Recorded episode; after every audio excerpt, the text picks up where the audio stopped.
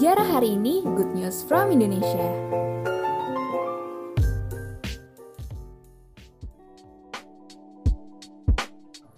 Sejarah hari ini 3 Agustus 1952. Lifter Indonesia Tio Hui unjuk gigi di Olimpiade Helsinki.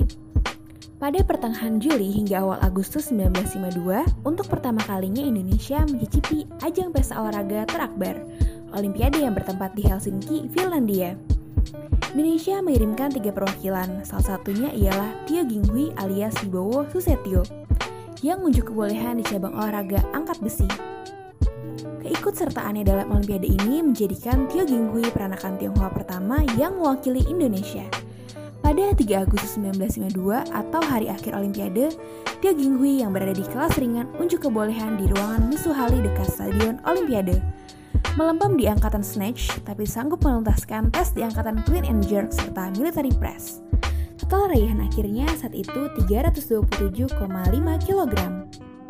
Meskipun tak meraih medali, Tio Hui patut diacungi jempol karena mampu finish di posisi ke-8 dari puluhan kompetitor yang ada.